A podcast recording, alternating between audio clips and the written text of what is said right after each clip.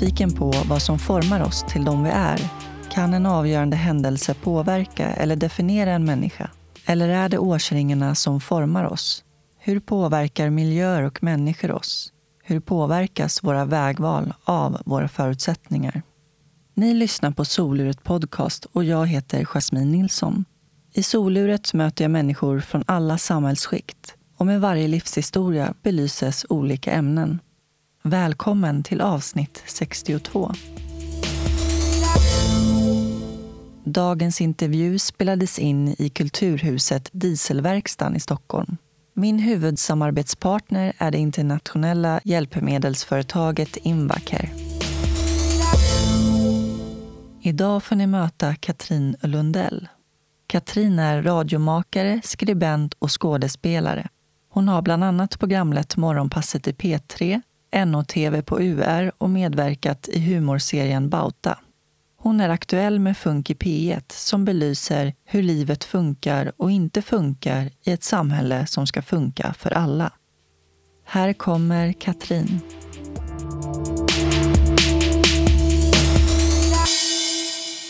I den här studion får du inga lurar. Det är Nej, men det är ganska skönt faktiskt. För en gångs skull.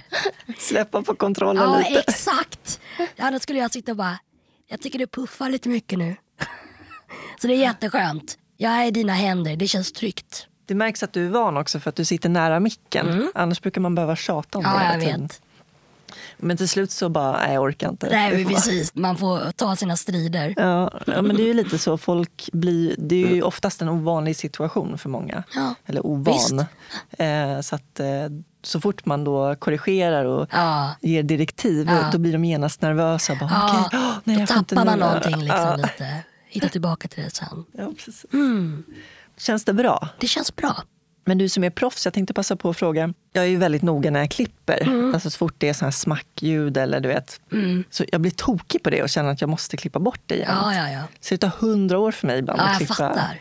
Eh, och då har jag haft, hört lite olika skolor kring hur man ska tänka Mm. med mick och sådär. En del säger ja, men om du vill undvika smackljud och eh, sitt inte så nära micken och Nej. sådär. Medan de andra säger att man ska absolut sitta så nära micken som det går. Mm. Då blir det bäst. Och, så jag känner mig väldigt förvirrad. Alltså det är lite vad man, vill, vad man söker efter. Jag tycker mm. om när det känns som att någon är i ens huvud. Mm. Jag hatar när det är man bara, varför gick ni inte närmare med micken?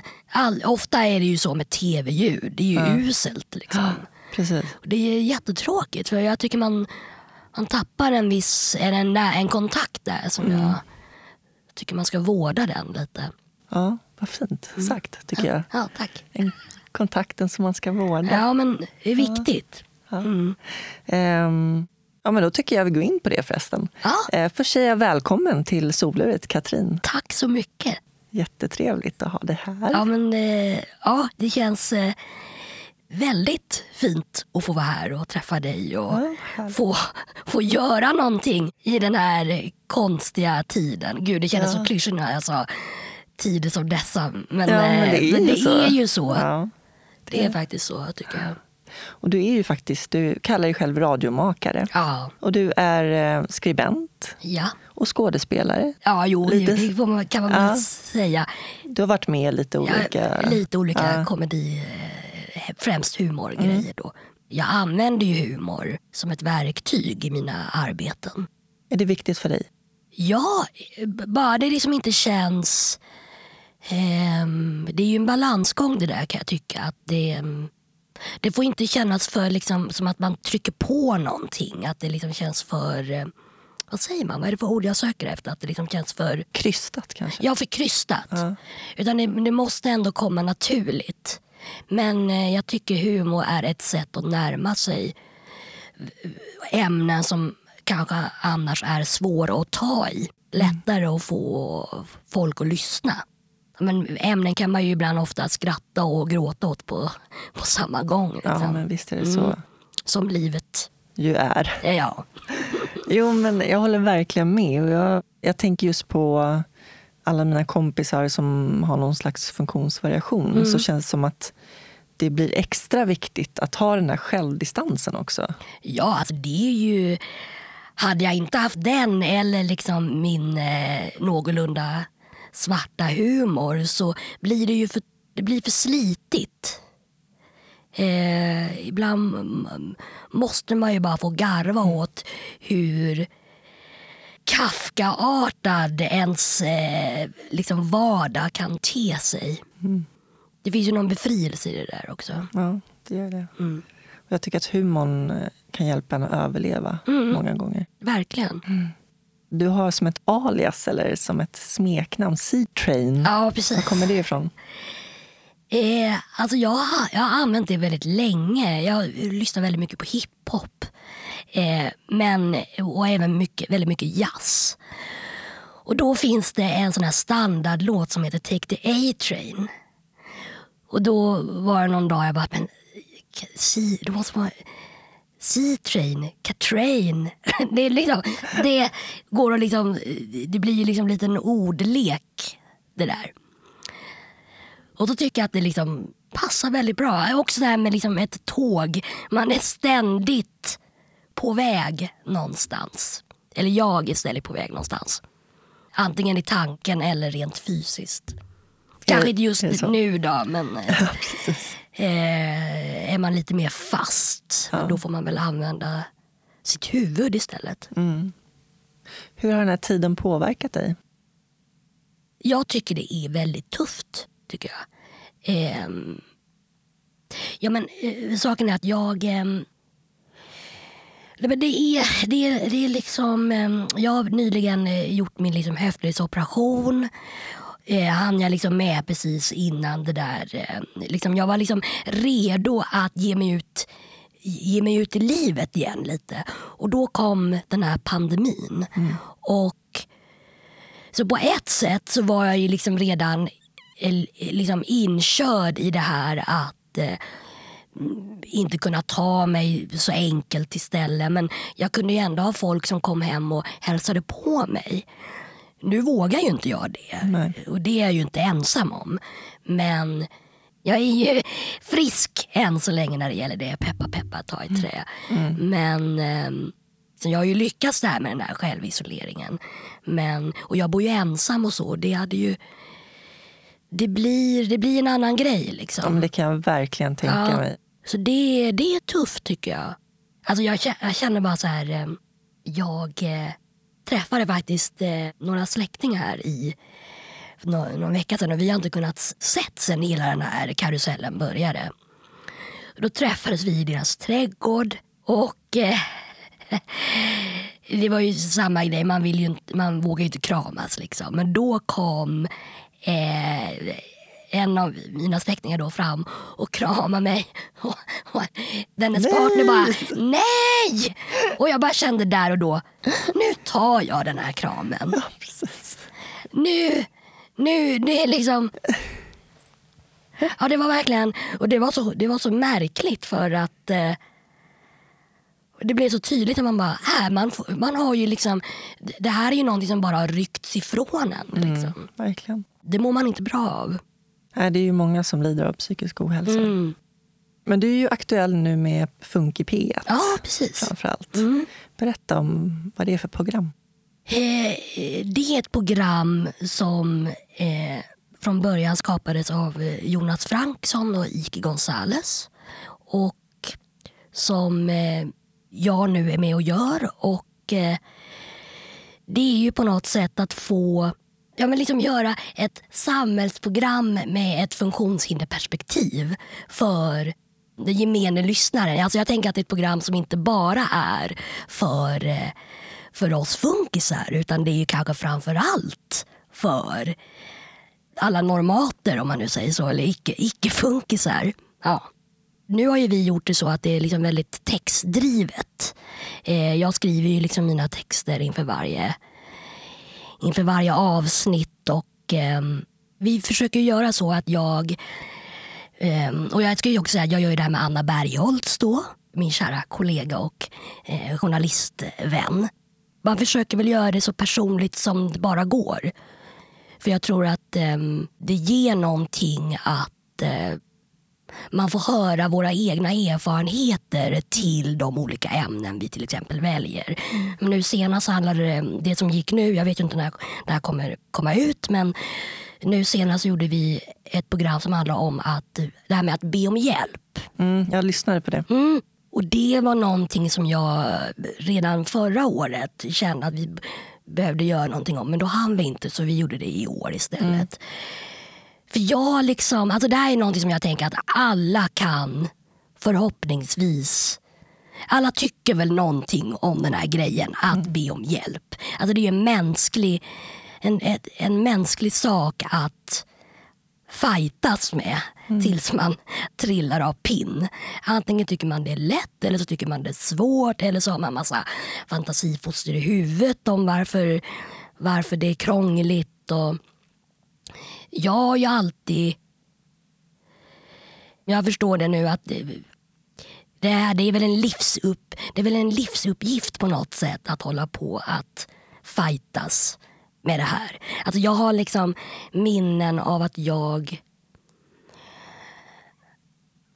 Alltså redan som barn var jag väldigt att eh, de vuxna fick liksom kämpa med att säga till mig, det är lugnt. Du behöver inte göra allting. Eh, vila. Och det blev jag ju otroligt provocerad av. Alltså jag har, alltså, eh, ja, men bara en sån här eh, minne jag har är att eh, vi var så här på frilufts, eh, friluftsdag och eh, då säger min lärare så här. Den som springer flest varv runt eh, den här IPn får ett pris. Och jag direkt bara, jag ska vara den som springer flest varv. Och jag gjorde det. Och, och desto mer tiden gick, desto fler bara droppade ju av där och gick och liksom åt sin matsäck. Och sen var jag liksom sist kvar. Och sen så kommer jag sen tillbaka till äh, min klass och min lärare sitter. Och han bara så här, men hur många, hur många varv sprang du? Och jag bara, jag sa väl, jag vet inte hur många, jag sprang väl typ sex eller någonting sånt där groteskt sjukt. Han var bra, så bra. Då kommer du få ett pris nästa dag. Jag kunde inte komma till skolan nästa dag för jag var ju helt slut.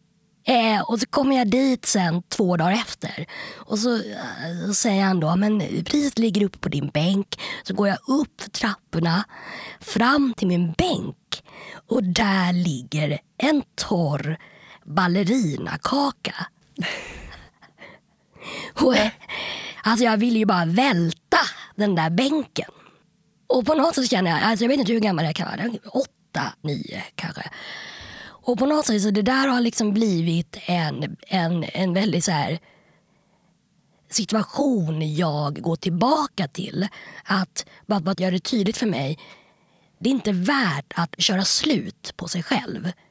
Eh, om, om jag ska hålla i min kropp och i mitt psyke så måste jag, precis som alla andra, be om hjälp. Det är inget undantag för mig där. Men samtidigt så har ju min envishet och driv också tagit mig dit jag är idag. Precis. Så det är svårt. Ja, det är det. Och jag tror att det är väldigt vanligt också när man har en funktionsvariation. Mm. Att man känner så därför att man måste vara så jäkla mycket bättre än alla andra hela tiden. Absolut. För att få plats. Och liksom... men, men jag tror alltså det, där, det där med att kompensera. Alltså jag känner att det har ju kommit väldigt mycket från mig själv. Alltså mm. det är inte, alltså jag har ändå haft... Jag kommer liksom från en familj där jag har varit väldigt, väldigt stöttad. Och, eh, alltså inga några problem med det där. Liksom, utan ja, men som jag sa tidigare, tvärtom. De har liksom fått kämpa med att lära mig eh, stanna upp. Jag är inte där än, men, men eh, ibland så jag funderar på om, man, om det är så att jag har haft någon sån här extrem form av FOMO, liksom, mm. fear of losing out. Men jag tror inte det är det, utan det, är, det är någonting att, man, att jag ska liksom fylla på det där kontot, vad det nu är för konto. Mm. Inget karmakonto, utan något, något annat. Prestationskonto. Ja, definitivt. Och det har man liksom gjort, eller det har jag gjort sen, mm. sen urminnes tider, mm. känns det som. Mm nu vill jag inte generalisera, och sådär, men det känns ju som att det är väldigt svenskt att eh, inte kunna be om hjälp. Det känns som att ja, det, är... det är väl det. Men samtidigt så blir jag så lite, eh, om någon ber mig om hjälp, mm. vilket ju händer, då blir jag ju jätteglad. Eller jag sitter ju inte då och tänker vilken slö person eller vilken, eh, vad, vad det nu man tänker att man har för bild av någon Nej, annan. precis. Utan tvärtom så tänker ju jag då, vad bra, vilken mognad att du tar hand om dig själv. Alltså Det är ju tecken på mognad, tänker jag. Men när det gäller en själv, då är det helt plötsligt andra premisser som ska gälla. Det handlar väl mycket om integritet och stolthet. Ja, men det, det, jag kan också finna det sorgligt då att det i ens huvud ska finnas något eh, likamedstecken då mellan stolthet och att be om hjälp. Jag som är beroende av andra människors hjälp Mm. var ju verkligen tvungen att liksom rasera den här eh, integritetsmuren på Ja. något vis som jag hade runt omkring mig och inse att integriteten sitter inte i självständigheten Nej, det gör det verkligen inte. utan det sitter i det mentala. Mm. Och jag fick liksom inse att jag är ju faktiskt mentalt självständig även om jag inte är fysiskt. Det där var väldigt bra. Det där ska Ja. jag... Den snor jag direkt. Ja. Om jag tänker så så är jag ju verkligen det. Mm. Alltså då är det ju ingen tvekan. Ja. Gud. Mm. Ja. Man får såna här epiphanies några gånger per år. Ja, det... För det blir så, det är också det här, det är ju lite det jag, jag tar upp också i programmet att, att jag liksom har börjat förstå nu desto äldre jag blir att det här är inte hållbart. Nej. Alltså jag, jag, ju liksom, ja men jag har ju hemtjänst då. Som hjälper mig att ta hand om mitt hem och, och handla och sådär. Och jag har ju liksom haft så här att jag har gått runt och städat innan de kommer. Nej. För att jag liksom inte vill. Katarina. Jo, det är sant. För att jag inte vill. Besvära dem eller? Nej, alltså det, alltså det handlar väl lite om, alltså jag vet inte vad det det handlar väl också lite om integritet på något sätt. Eller att jag inte vill visa hur stökigt det kan bli när man är då i en sämre period i sin, ja i mitt fall då min skelettdysplasi eller eh, så. Och så här, ibland att jag liksom vill gå och slänga mina sopor själv. Alltså det, det är någon så här, ni kan få gå och torka. Våttorka golven kan ni få göra men ni ska inte bära ut mina sopor. Det är klart att jag ska bära ut mina sopor. Men, men, men eh, i vissa dagar så tycker jag att det är jobbigt. Jag förstår det. Och det kan jag väl också känna ibland att ehm, jag vill ju klara av så mycket som möjligt själv. Och det jag vet att jag kan klara av, det gör jag själv även om det tar några timmar längre än om jag bara hade bett den där hjälpande handen göra det åt mig. Mm. Men det är ju till slut så att till slut så måste man ju fråga sig själv. Ja, men är det värt det här? Ja, Dygnet har bara precis. 24 timmar. Eh, och jag kanske vill orka vara social eller liksom eh, jobba eller vad det nu kan vara. Liksom. Men jag orkar inte allt. Nej. Och ingen orkar allt. Men det, det ja, alltså, jag är inte 100% där än. Alltså, det är inte. Det där är också i perioder tycker jag med hur mycket man tillåter sig själv att slappna av och släppa kontrollen Ja, exakt. snarare det. Liksom. Jag förstår det precis. Men du, jag tycker att vi tar det från början. du föddes eh, 1986, Ja, precis. den 17 december. Ja, precis. En vecka innan julafton. Och sen en vecka senare så är det nyår. Så det är liksom party. Ja. Vad vet du om din eh, förlossning? Jag vet att um, men förlossningen gick väldigt bra men jag föddes ju väldigt, väldigt för tidigt. Eh, så att jag låg ju på sjukhus i åtta månader innan jag kom hem. Oj, åh, Ja, Åtta? åtta månader. herregud. På Sankt Görans sjukhus. Och Var, det var... Du var i kuvös? Eller? Ja, Mm. precis. Och eh, var ganska, ja men bevisligen väldigt dålig däran då. Och eh, mamma och pappa kom och hälsade på mig och var med mig. Och jag, jag och mamma har ju pratat väldigt mycket om det där men eh, att hon har liksom känt skuld för att, ja, men det var ju det här var ju i slutet av 80-talet men fortfarande var det ju sådär att man liksom, det var ju inte som att föräldrar fick ligga kvar med sina nyfödda barn. Alltså idag så tycker man ju det är helt knäppt men, men då var det så. Eh, hon har liksom väldigt mycket skuld för det där. Jag vet att hon har berättat så att jag, hon liksom väntar tills jag somnat och så ska hon börja röra på sig och så har jag gått upp och liksom så står jag liksom och tittar efter henne. Nej, åh. Ja, alltså det, och liksom det där har jag ju sagt, men du kunde ju inte göra någonting. Nej. Du kom ju tillbaka sen. Men det är klart att det har, det har ju det har ju format mig på ett visst sätt. Alltså det där kan jag se väldigt mycket nu när ens vänner börjar få, få barn och man tänker så här, åh, åtta månader. Och man bara, men då, då låg jag fortfarande kvar. Alltså att det, liksom, jag börjar förstå det här på ett helt annat sätt om hur lång tid det faktiskt är. Ja, det är det verkligen. Så det var en ganska skakig start. Och eh, ja, kom sen hem efter åtta månader. Mamma, pappa och sen, eh, vi bodde då, jag är uppväxt på Kungsholmen. Är. jag. Jag har bott på Kungsholms Har du strand. gjort det? Vad tycker du om Kungsholmen? Alltså jag bodde bara där i, vi bodde där i två år. Jag och morsan på typ 40 kvadrat eller Ja. någonting. Men det var jättefint. Det var ju precis vid kanalen. Kungsholmsstrand där. Ja, Så ja att, där, okej. Ja, Ja, så det, det var nice. det är nice. Alltså det finns ju mycket grönområden och bada vid klippor. Och det, det är verkligen hemma. Är det. Jerry Williams bodde där också. Man såg honom då och då.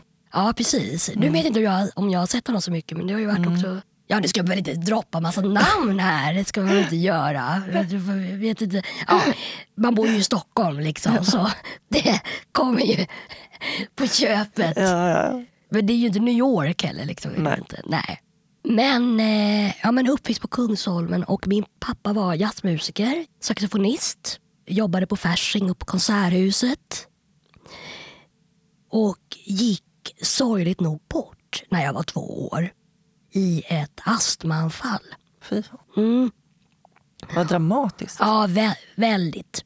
Extremt sorgligt. Och han var väldigt omtyckt. Och eh, jag känner mig väldigt mycket som honom i och med att jag är... Folk säger att jag liknar honom i att jag är social och liksom... Ja men... Man, är liksom, man tycker om att ha kul. Jag tycker om att ha kul och det tyckte han också. Så sen så var det jag och mamma tillsammans. Eh, Men alltså det här med astmaanfall, dö av det. Det känns ganska Ja. ovanligt, eller? Ja, jag vet. Alltså, nu vågar inte jag svära på hur man skulle klara något sånt idag. Men eh, han var också periodvis inte vid så god hälsa. Han hade tbc och låg inne perioder. Eh, och hade ju också väldigt, väldigt eh, svår astma. Och jag, folk berättar ju alltid så här, men hur pallar du att spela saxofon? Hur går det ihop? Ja, precis. Men läkaren var bara, men det, kan du det så fortsätt. Liksom. Ja. Det är bara bra. Bra träning. Ja, bra träning. Men i alla fall, Inga syskon? eh, jag har tre halvsyskon som jag aldrig har träffat. På vilken sida? På pappas sida. Eh, och de är ganska mycket äldre än vad jag är. Min pappa var ju från Nigeria, från Lagos. Kom hit sen på eh, 60-talet. Eh, så de bor antingen i Nigeria eller han bodde också i Chicago sen ett tag också.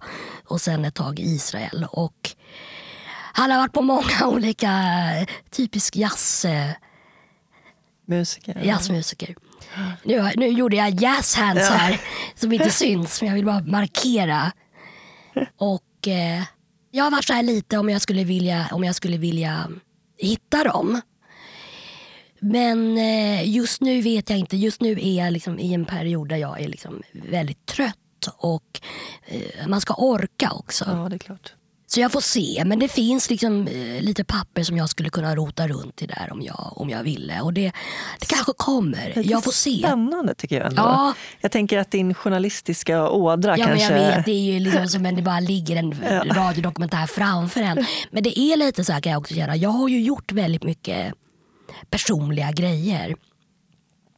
Och det där kan jag känna nu efter att jag har gjort det ganska mycket att man ska vara försiktig med det där. Alltså för att det tar väldigt mycket av en. Ja, dränerande. Ja. Och det där kan jag tycka, all, alla är så här, men folk brukar säga liksom, oh det är så bra att du är personlig. Man bara, jo det är man ju, du måste vara personlig. Men, men, men eh, det finns gränser för det där också. Och jag känner att jag lite, eh, jag måste vila lite från det där kan jag känna. Också en grej i att sätta gränser för sig själv. Ja, det förstår jag Mm. verkligen. Samtidigt som jag ju också liksom stretar med att man vill liksom göra ett ämne köttigt och man vill ge det liksom det ska inte gå någon förbi. Liksom. Och då innebär ju det ofta att man får ta av sig själv och det är okej. Okay. Men jag börjar känna att eh, jag ska vara varlig med det här också. Mm. Ska jag vara. Det låter klokt. Mm. Mm. Men eh, har du varit i Nigeria någon Nej. gång? Nej. Eh, det har jag inte varit. Jag har varit på jag har varit i Östafrika, på andra sidan har jag varit. Mm. I, I Tanzania för tre år sedan. Och eh, gjorde ett annat jobb som inte, som inte blev av sen. Men jag eh, träffade funktionsnedsatta barn i, i Tanzania och intervjuade dem om sina liv. Och, ja, det var otroliga berättelser. Mm. Eh, många med albinism. Och, Vilket ju verkligen är en Ja, det är ju ett helt annat program. Så det satte ju lite saker i ja. perspektiv att göra en sån där resa. Mm, det förstår jag. Mm. Och också att eh, det finns extremt mycket att jobba med här i Sverige. Men, men eh, jag behöver ju inte mm. vara med om någonting sånt. Nej, precis. Men eh, du nämnde här innan att du eh, har skelettdysplasi. Mm. Eh, när förstod man, eh, när diagnostiserades när jag, du? När jag föddes. Okay. Och mamma hade också samma diagnos. Ah, okay. Eh, och vi är ju inte så många i Sverige som har det här. Det, vi är kanske 30-ish ja, styckna. Du, du sa i något program att det var en till två personer ja, per år som ja, får Så vi är ju inte många. Liksom. Är det ärftligt då eller? Det är ärftligt. Det är väl 50% sannolikhet att jag skulle få, eh, om jag fick barn, att de skulle ha, ha det också. Det är en skelettdysplasi som, det är liksom en, det är en mutation men det ingår också att det liksom är fel i bindväven som det heter. Så det är liksom en bindvävssjukdom. Så man kan också få problem med ögon, och öra, hörseln och uh, få näthinneavlossningar. Och, ja, det, det, är väl, det är väldigt mycket. Så jag har ju alltid, uh, och min mamma gjorde ju också det, tillbringade extremt mycket tid på sjukhus. Mm. Och det formar ju en också. Mm. Um, på vilket sätt har det format dig? Eh, det, det, är ju, det är ju mycket sådär också att har man en, en sjukdom som är väldigt sällsynt så ingår det ju ofta att eller det har gjort det för mig att man är med i olika forskningsprojekt för man vill liksom få reda på så mycket som möjligt om sjukdomen och liksom möjligheter för... Man kan inte behandla saker men man kanske kan ja men det vet ju, man kan underlätta och etc. Så jag var bland annat med i en studie om eh, eh, tillväxthormon på 90-talet. Då eh, jag då ingick i en grupp som tog sprutor för att se då om, man, om det då skulle kunna bli att man växte mer. Men till slut och slutade valde mamma att avbryta mitt deltagande i den studien för det blev alldeles för, för kämpigt. Alltså, jag tror jag tog sprutor två gånger om dagen och det var liksom gråt och tandagnisslan. Eh, jag hatade sprutor. Eh, man, jag fick enorma sådana här raseriutbrott, humörsvängningar. Alltså det är ju inte, det är ju inte hälsosamt. Så där är det ju inte. Och sen jag vet inte riktigt vad slutsatsen från den där, den där studien blev men jag, jag tror att det är någonting så här att ja, men man växte men man växte, liksom, man växte det som, som man skulle växt. Men snabbare. Men snabbare mm. Vilket då ju medförde att jag fick alla väldigt, väldigt mycket smärta av det. Liksom. Ja, alltså det är liksom annat än växtverk. Det är ja, liksom, ja. Så det var ju väldigt eh, Oh, gud, alltså jag var ju så här på Astrid Lindgrens barnsjukhus och skulle de så här de, man var ju där flera gånger om året och skulle de mäta en och så har jag så här bilder av att de står, två sjuksköterskor står och drar i mina armar så här på varsin sida. Och så de skojar och så här, vad hemska vi är, ha, ha, ha eh, men vi måste göra det här. Alltså, och jag, alltså då står hon och får att mäta hur, hur många millimeter man då har växt liksom, på alla ledder. Och det är klart att det där liksom på, liksom att man ska bli synad, alltså ens kropp ska bli synad på det där sättet. Mm, mm. När man ju är i en väldigt skör ålder. Och det där, ja, jag vet inte hur länge, två, tre år höll vi på med det där. Och det är lång tid när man är sådär, mm. man är barn liksom. Ja, det är klart. Hur var, hur var livet utanför sjukhuset så att säga? Nej, men det var När bra. du var liten? Jag hade en... Så här, jag, jag har varit med om väldigt, väldigt mycket. Eh, och i, mycket i ung ålder. Eh, så jag har ju alltid liksom... Ja, men det här att min pappa dog när jag var så ung, det, det gör ju att man eh, blir tidigt medveten om ens dödlighet. Eller liksom att livet är förgängligt. Så jag var ju eh, väldigt så här... Jag satt väldigt mycket och funderade, tänkte, pratade. Alltså, liksom, mycket, mycket tankar om döden, om livet. Man, var, man blev någon form av liksom, lite så här livsfilosof. Alltså, det är väl svårt att inte bli det, tänker jag. Du är lite sådär filosofisk och Ja, funderar mycket. Ja, Och, ja, men li, jag tycker om att, jag har alltid om att, eller jag har alltid tänkt kring mitt liv. Ehm, du frågade om jag hade haft uppväxten i övrigt. Den var väldigt bra. Alltså jag, min mamma då, som tyvärr inte lever, hon gick bort för, för två år sedan i bröstcancer. Och hon eh, fick cancer första gången när jag var 13. Så det har ju också varit, hon har ju, liksom varit, hon har ju varit sjuk i väldigt stor del av mitt liv. Inte bara i sin skelettdysplasi utan även med sin bröstcancer.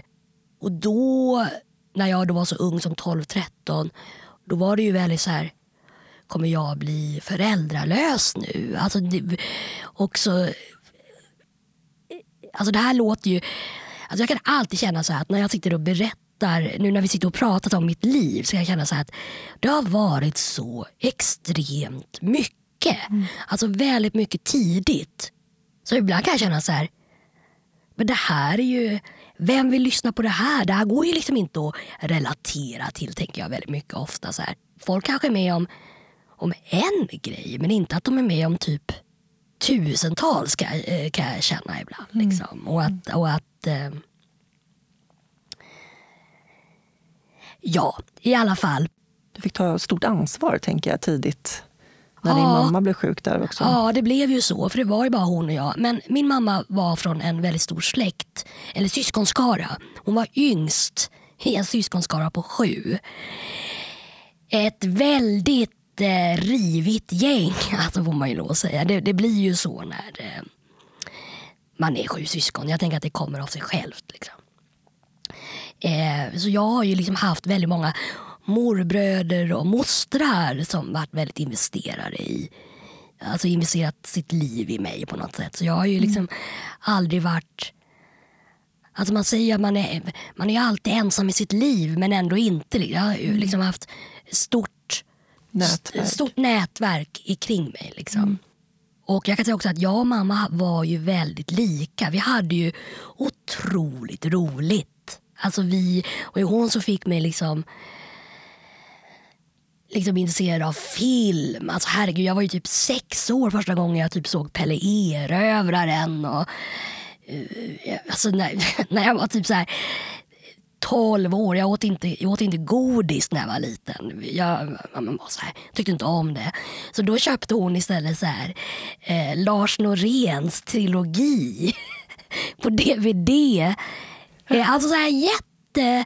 Som jag är så här väldigt tacksam för och älskar att hon liksom tryckte in mig på den där banan och, och, och såg att jag var älskade att läsa. Liksom. Och jag blev väldigt uppmuntrad i, i min kreativitet.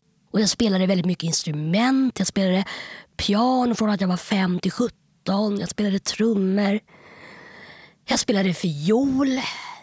Trots alla sjukhusbesök och allting så var jag ju väldigt, väldigt aktiv. Liksom. Och älskade att sitta hemma eh, på mitt rum och spela på min synt och typ komponera ett eget soundtrack till som jag tänkte då skulle vara till Lisa Marklunds nästa film. Jag kommer inte ihåg vad det var som var det Sprängan som var väl på tapeten då. Men eh, oerhört viktigt med kreativitet tänker jag, när man är med om så mycket också. Ex- extremt. Alltså, Det har ju varit min räddning. Och också att jag har ju haft... Jag har liksom alltid varit bra på att verbalisera eh, mina tankar. Och, och då att kunna få utlopp i diverse kreativa uttryck är ju bara en... Alltså det är ju en, det är ju en gåva på något sätt.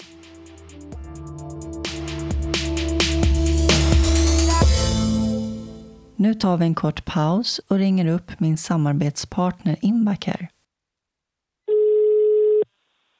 Ja, det är Veronica på Invacare. Hej Veronica, det är Jasmin här från Soluret. Hur är läget? Hej, jo men det är bra tack. Det är alldeles utmärkt. Hur har den här tiden varit för dig med coronan? Ja, det har ju varit en väldigt speciell situation att sitta hemma. Vi har ju varit hemma ända sedan i eh, mars. Och min roll är ju en väldigt kreativ roll. Så att, eh, att sitta och prata med blommorna om roliga saker som jag vill göra, det är inte så mycket gehör som jag har när jag jobbar med, med mina kollegor på kontoret. Så det är väl den stora skillnaden, eh, skulle jag säga. Den här interaktionen varje dag. Ja, jag förstår. Och speciellt med din roll då som kommunikatör. Kan du berätta vad du gör för någonting på Invacare? Ja, vi har marknadsför våra produkter via webben och via olika kundaktiviteter. Och eftersom att kundaktiviteterna har legat på is kan man säga så har det mest blivit webbarbete. Och eh, hösten då kommer det ge en ny webbsida faktiskt, så den får ni hålla utkik efter. Och det du arbetar med just nu, det är ju framförallt eh, hjälpmedelsdagen. Kan du berätta dels om den dagen och hur ni har tänkt kring eh, det? Ja, precis. Ja, men det är ju jätteroligt. Och det är ju nu tredje året på raken. Det är andra året som jag är med och driver Hjälpmedelsdagen. Det är den 23 september och det är ett årligen återkommande event. I år så kommer vi att ha inspirationsföreläsare Anders Olsson som är simmare och cyklare och medaljör i olika grenar. Och sen kommer det vara Marit Sundin som har varit med i Vinnarskallar och hon jobbar ju på RTP med coachingprogrammet. Och så kommer det vara ett par andra talare också som kommer att finnas på plats. Och så har vi valt att hålla hela aktiviteten digital för att vi inte ska riskera någonting. Vi har 140 deltagare, så det ska bli eh, fantastiskt att vi har kunnat vidga den här aktiviteten över hela Sverige i och med att den blir digital. Verkligen. Det är dubbla antalet bokade i år från föregående år redan. Och ännu finns det en månad kvar att boka på sig, så det är bara att höra av sig. Okej, men tack så mycket för samtalet Veronica, så, så hörs vi. Ja, tack själv Jasmin. Ha en riktigt fin höst. Och lycka till med Hjälpmedelsdagen. Ja, tack så mycket. Hej då! Hej då! Hur gick det i skolan? Det gick bra i skolan. Jag pluggade ju väldigt mycket. Jag gick i en klass som var väldigt studiemotiverad. Det var aldrig fult att plugga. Liksom. Vilken skola gick du? Jag gick i Klastorpsskolan och Rålambshovsskolan och sen gick jag på Söö latin. Då kände jag att jag ville liksom komma ifrån Kungsholmen och byta, byta miljö. Och det var en fantastisk skoltid. Jag hade väldigt roligt och började ta mig ut och gå på fester. Och fortfarande så är, har jag kvar flera stycken från den klassen. Och det känns ju fantastiskt när man är så här 15-16 år senare. Liksom. Verkligen. Mm. Men jag, jag pluggade väldigt mycket och hade, eh, det ska jag också säga, jag hade ju väldigt, eh, väldigt mycket prestationsångest. Jag presterade men hade väldigt mycket ångest. Jag kommer ihåg så här, mitt första kvartssamtal i årskurs ett, då, eh, lågstadiet och min lärare säger så här. Ja, Katrin är ju det mest, bland de mest ambitiösa eleverna vi har här. Och mamma bara, åh, nej. Alltså, hon förstod väl, alltså det, ja, men det här vi pratar om, gränssättning för sig själv och att förstå när man är klar och man behöver inte tävla i allt. Och, ja, det, alltså det där har ju varit med mig som en trudelutt. Mm. Men som sagt, eh, det har ju också gett att jag inte, jag ger ju inte upp i första taget. Nej. Verkligen inte. Det är också, känns också lite klyschigt att säga det, men, men jag gör inte det. det är, alltså jag tror också att jag, eh, är det något jag inte kan, då har jag liksom gett mig sjutton på att jag ska liksom bemästra det, vad det nu kan vara, tänkas vara. Ett jävla anamma. Ja, faktiskt. Eh, och, och, min mamma var ju precis likadan. Alltså. Mm. Det är jag ändå väldigt glad för. Men eh, apropå din mamma också. Mm. Jag tänker att det måste ha betytt väldigt mycket att ni ändå hade samma diagnos. Ja, Att hon på så sätt också måste ha varit en viktig förebild. enormt. Mm. Eh, jag, är, jag är så stolt över att jag fick ha min mamma till min mamma. Liksom. Hon var den bästa morsan någonsin. Hon liksom pushade mig, utmanade mig. Ja, och det, det är en sorg att hon gick bort så tidigt för eh, alltså det, ja, men du vet den här lite andra typ av relationer man får med sina föräldrar om man nu har tur. Alltså när man blir äldre, den här vuxna relationen. Eh, det var ju inte så länge vi vill fick hålla på med den. Det hade jag velat göra mer av. Liksom. Så det är ju en väldig sorg. Och hon hade ju älskat att liksom bli mormor eller sådär. Det, ja, ja. Jag förstår det. Jag, min mamma gick också bort december 2018 i cancer. ja. Efter Ja, tre, tre års kämpan. Gud. Ja, då vet du. Man har ju liksom varit varandras stöttepelare på något sätt. Eller liksom ens största fan. Eller alltså, nu ska ju min mamma var ju 40-talist, så hon var ju också väldigt hård. Liksom. Det, vilket ju också eh, liksom, har sporrat den. Det var ju liksom inte någon så här... Ja, ja, vi får se hur det där går. Ja, det, ta inte ut någonting i förskott. Och den generationen om någon är ju envisa som Ja, få. ja, alltså, visst. herregud. Enormt. Riktiga lejonmödrar. Ja, ex, det jag sökte. Ja. Ja, Gör vad som helst för ens ja barn. Liksom. exakt. Man gör allt.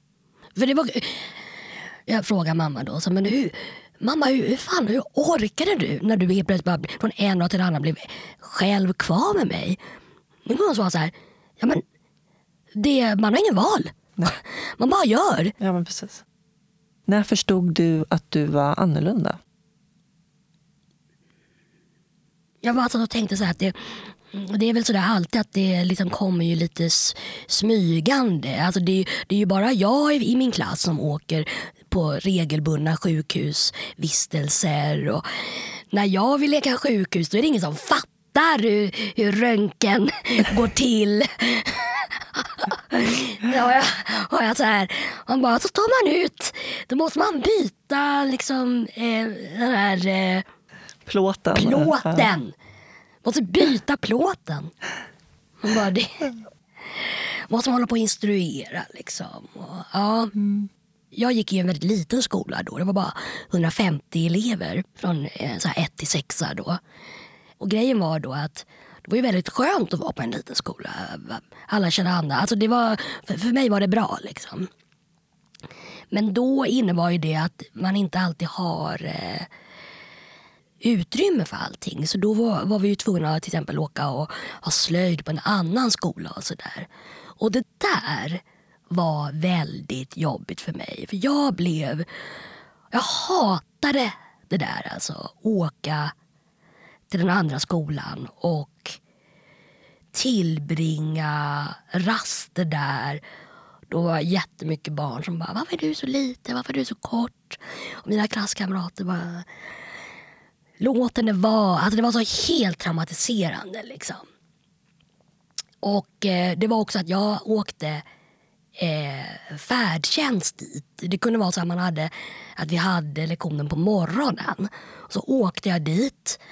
Men jag ville inte gå över den där, den där skolgården själv.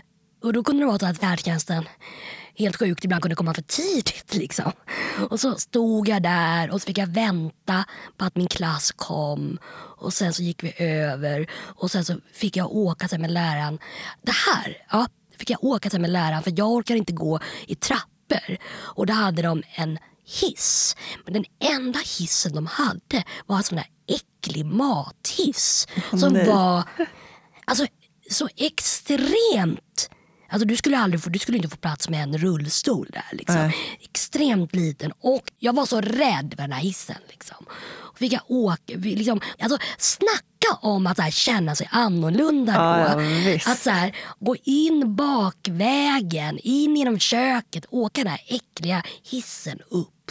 Och sen då behöva vara på eh, den där rasten med massa unga man inte, som inte var roliga. Liksom. Nej.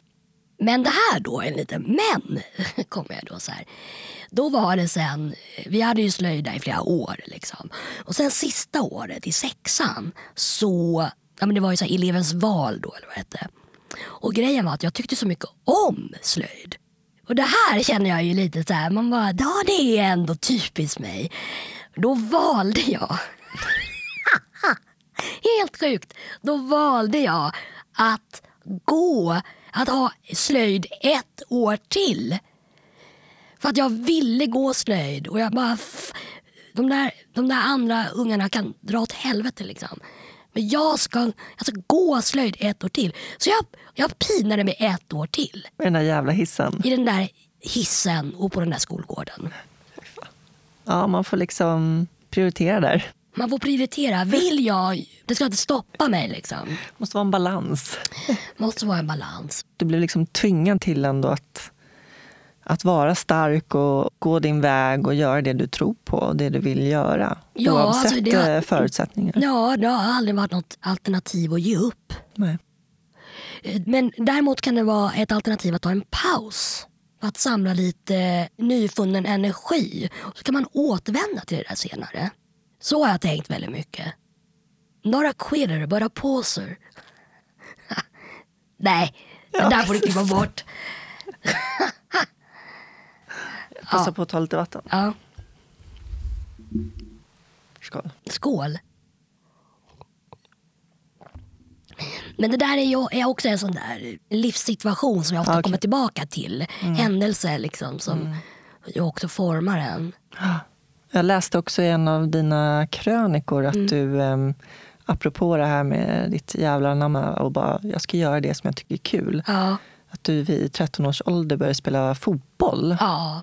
Jag spelade faktiskt i AIK. Vi jag spelade i ett lag. Vi vann inte en enda match. Men jag hade otroligt roligt. Jag vet inte hur länge jag spelade. där. Ett och ett halvt år kanske. Åkte då till Solna och spelade på Skytteholms IP. Gjorde jag. Ja, men det var ju det här liksom. Träning, vad det nu är. Två, tre gånger i veckan. Match på söndag eller vad det nu kunde vara. Liksom. Jätteroligt. Men till, sen så blev det för tufft för mig. Jag han kunde inte, min kropp klarade inte det. Men eh, det var fantastiskt sen att de, det var klart att jag skulle vara med där om, när jag hörde av mig liksom, från om jag kunde få börja spela. Jag kände ju inte den från början. Liksom. Jag har ofta kastat mig ut i såna där grejer som ganska ung, i ung ålder. Att jag har inte varit rädd för sådana där situationer på det sättet.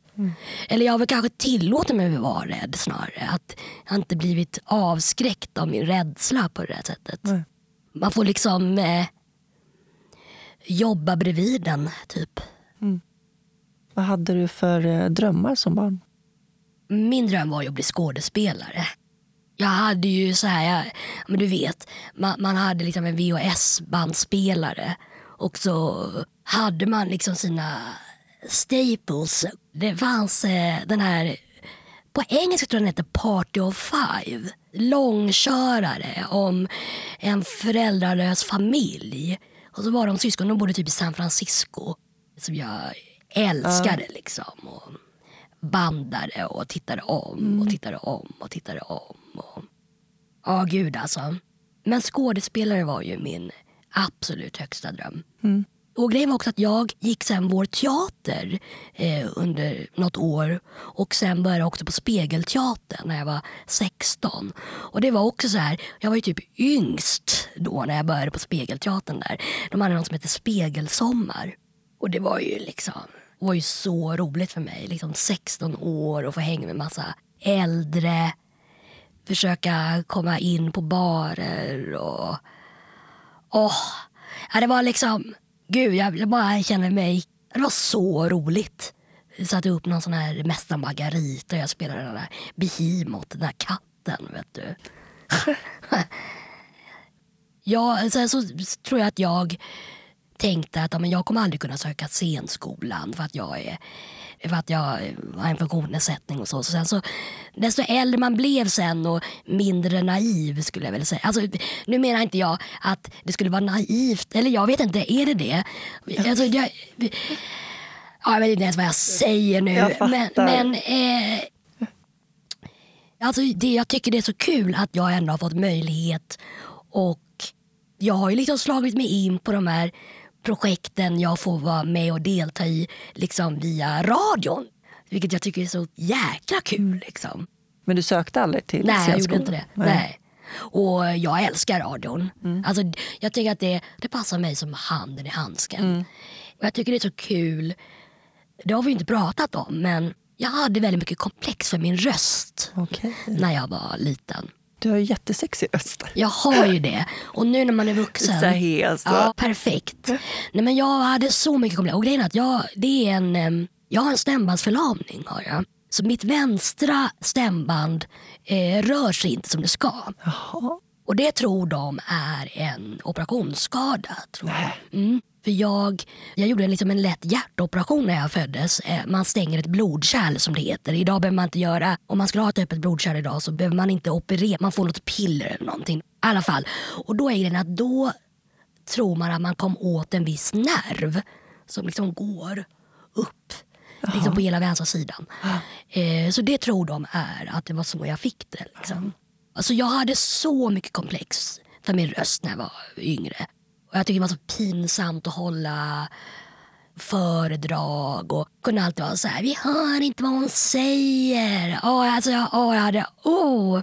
Men sen när jag var 16 så fick jag möjligheten att operera in ett implantat eh, som då gör att ja, men det blir lite som man fyller ut liksom stämbandet så det börjar röra lite mer på sig. Och det var fantastiskt för då fick jag mycket mer tryck.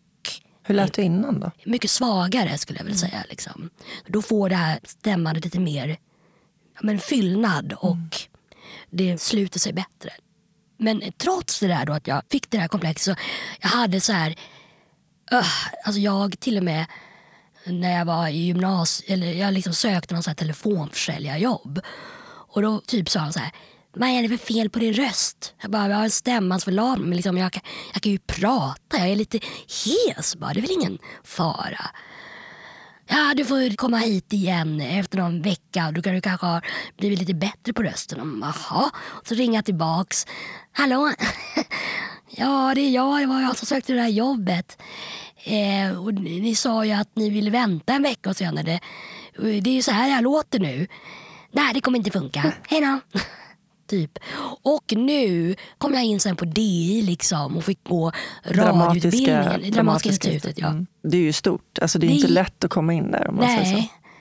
Men alltså det är ju verkligen alltså det är min bästa tid i mitt liv när jag gick där. Alltså. Jag kände verkligen som att jag fick komma hem. Liksom. Ja, jag blev tydligen lite rörd när jag var...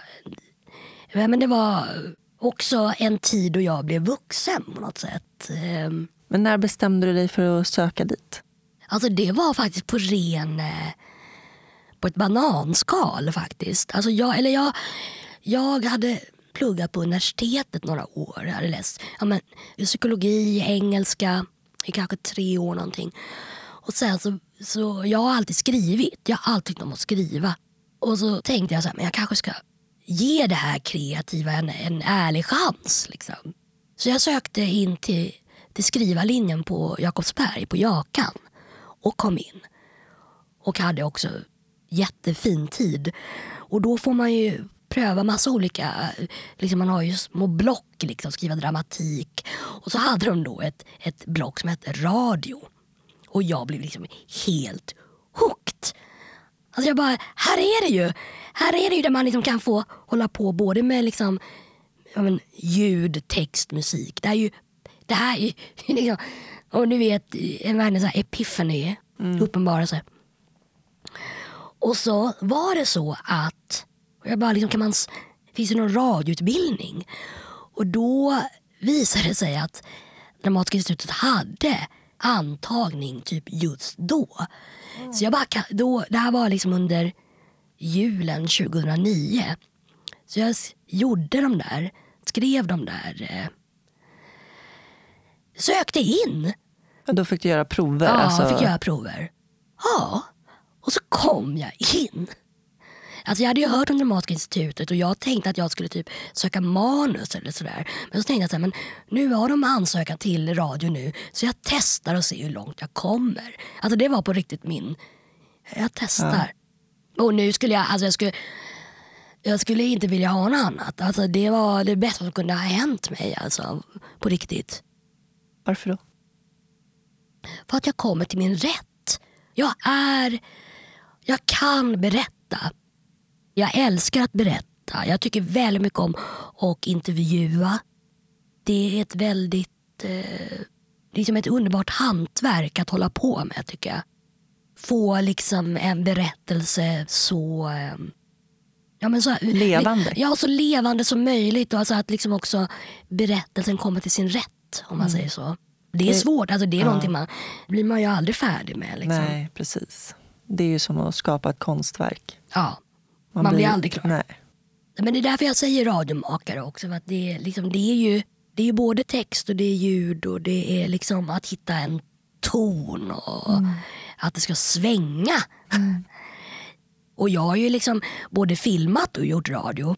Och det är precis sådär. mm, Det är så kul att det finns möjlighet att växla.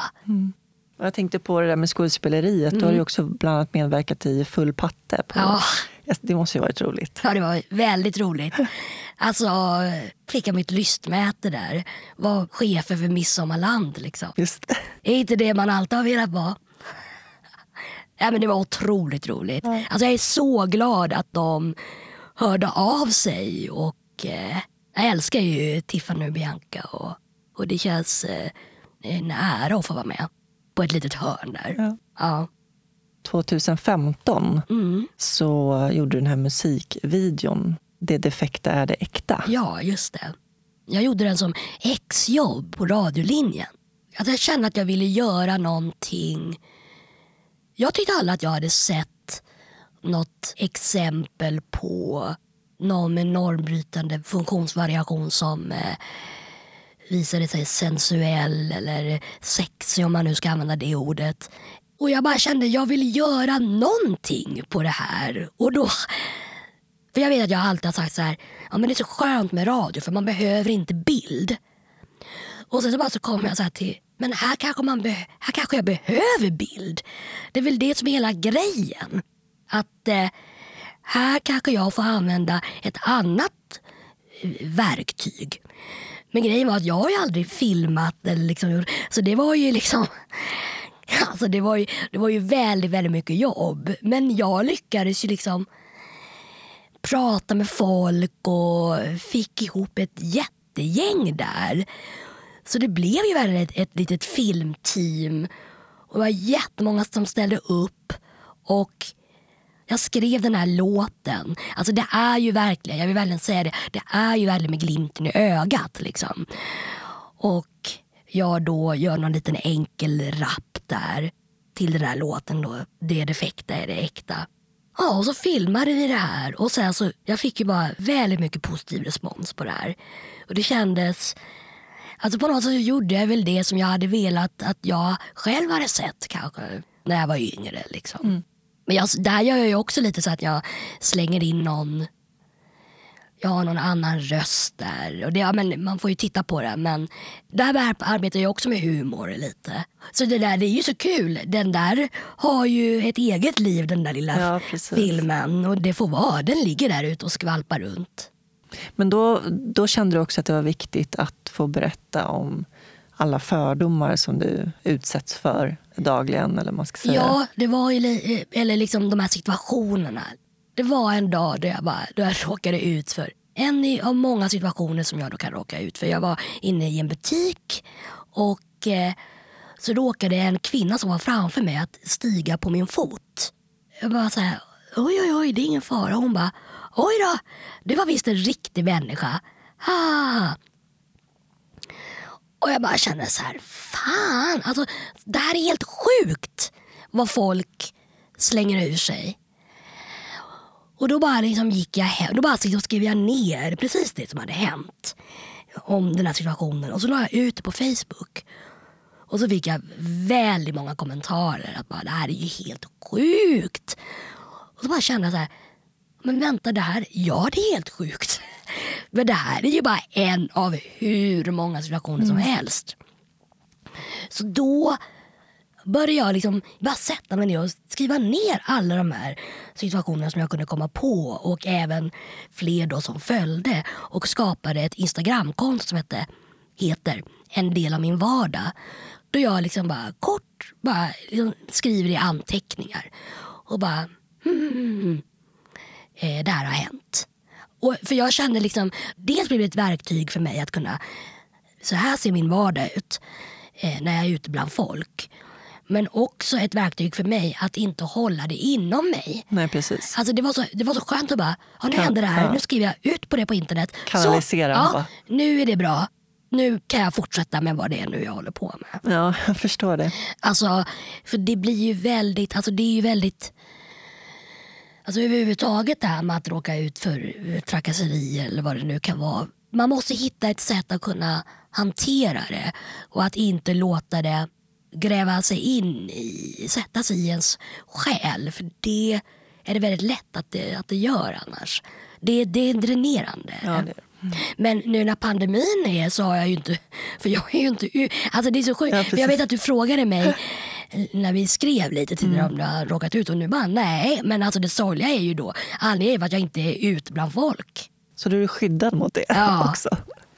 Inte bara pandemin utan Nej, folks precis. fördomar också. Ja. Men, nu, Sjukt men, men nu, nu är det väl väldigt länge sedan jag la upp någonting där. Mm. Eh, för jag kände att, så att nu, nu är det bra. Liksom. Mm. Eh, jag har fick fram det jag ville och det ligger fortfarande kvar där ute. Men som en liten så här, det här sker, det här finns. Liksom. Och det var ju så kul. Det var ju faktiskt, jag fick ju en när jag hade hållit på med det här i några månader så fick jag ju ett paket med typ så här brev från en hel skolklass. Som hade så här tittat på min film och så hade de så här spelat in en video till mig.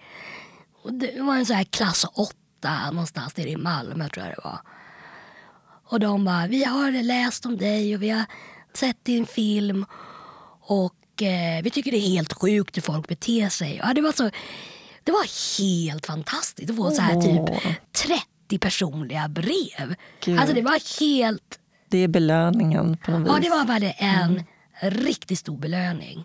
Och, och jag kan ju också säga så här, jag har ju varit med liksom, eh, jag var ju med nu på ett litet hörn i julkalendern och då var det ju så här ungar som, "Va, jag har sett det på tv. Och alltså det där är så, det känns som att Gud vad det ger mycket att någon unge ropar jag har sett det på tv istället för så här varför är du så kort?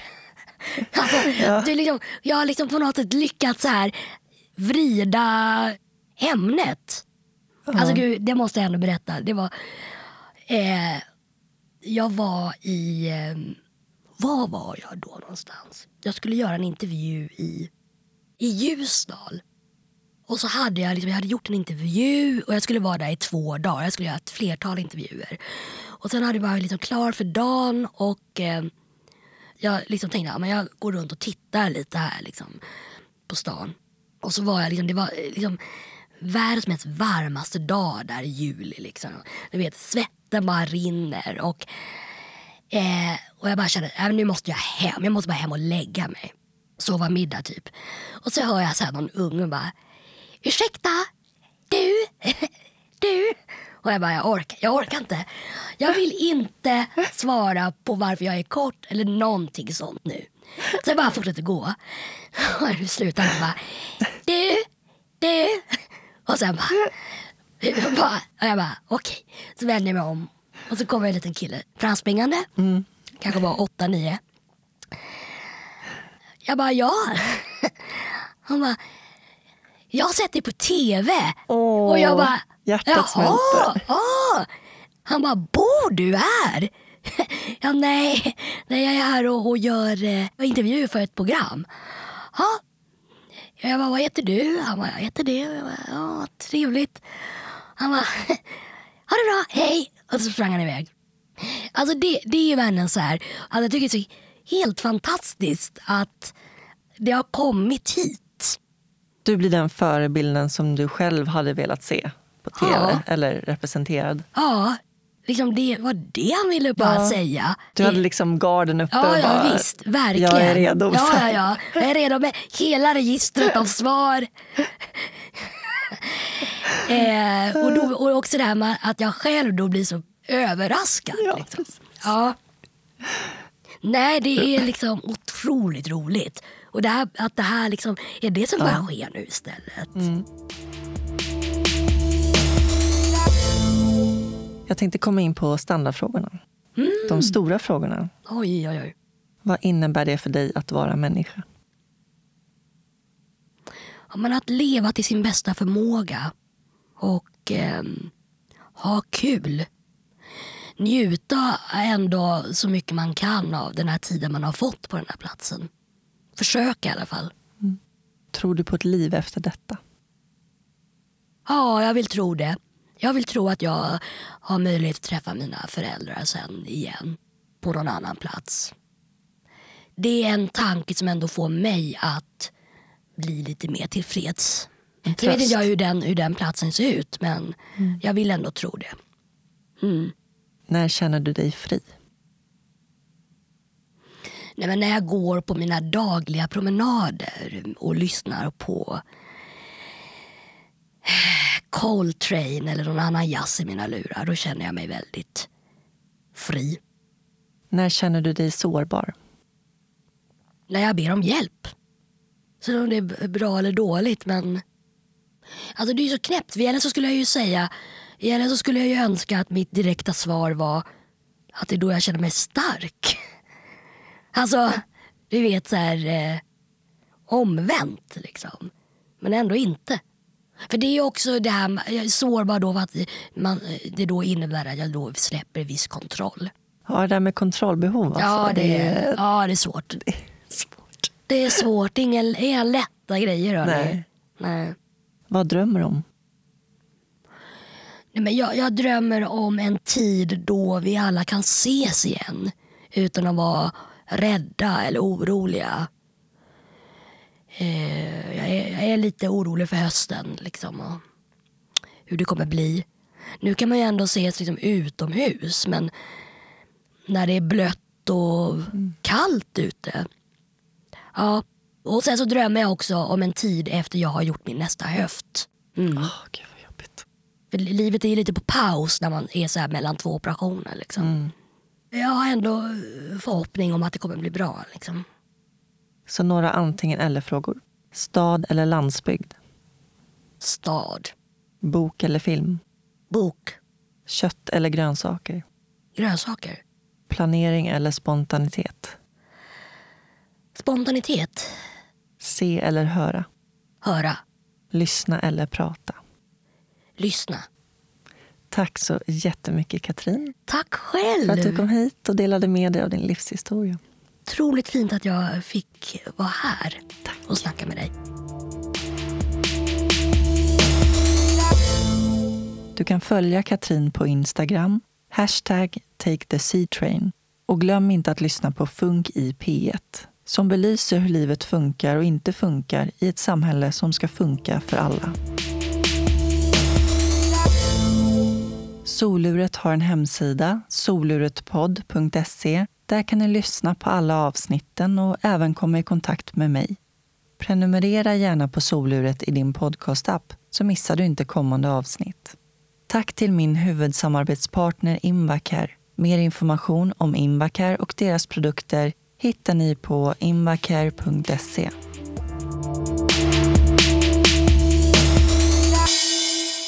nästa avsnitt får ni möta Linda Mutu.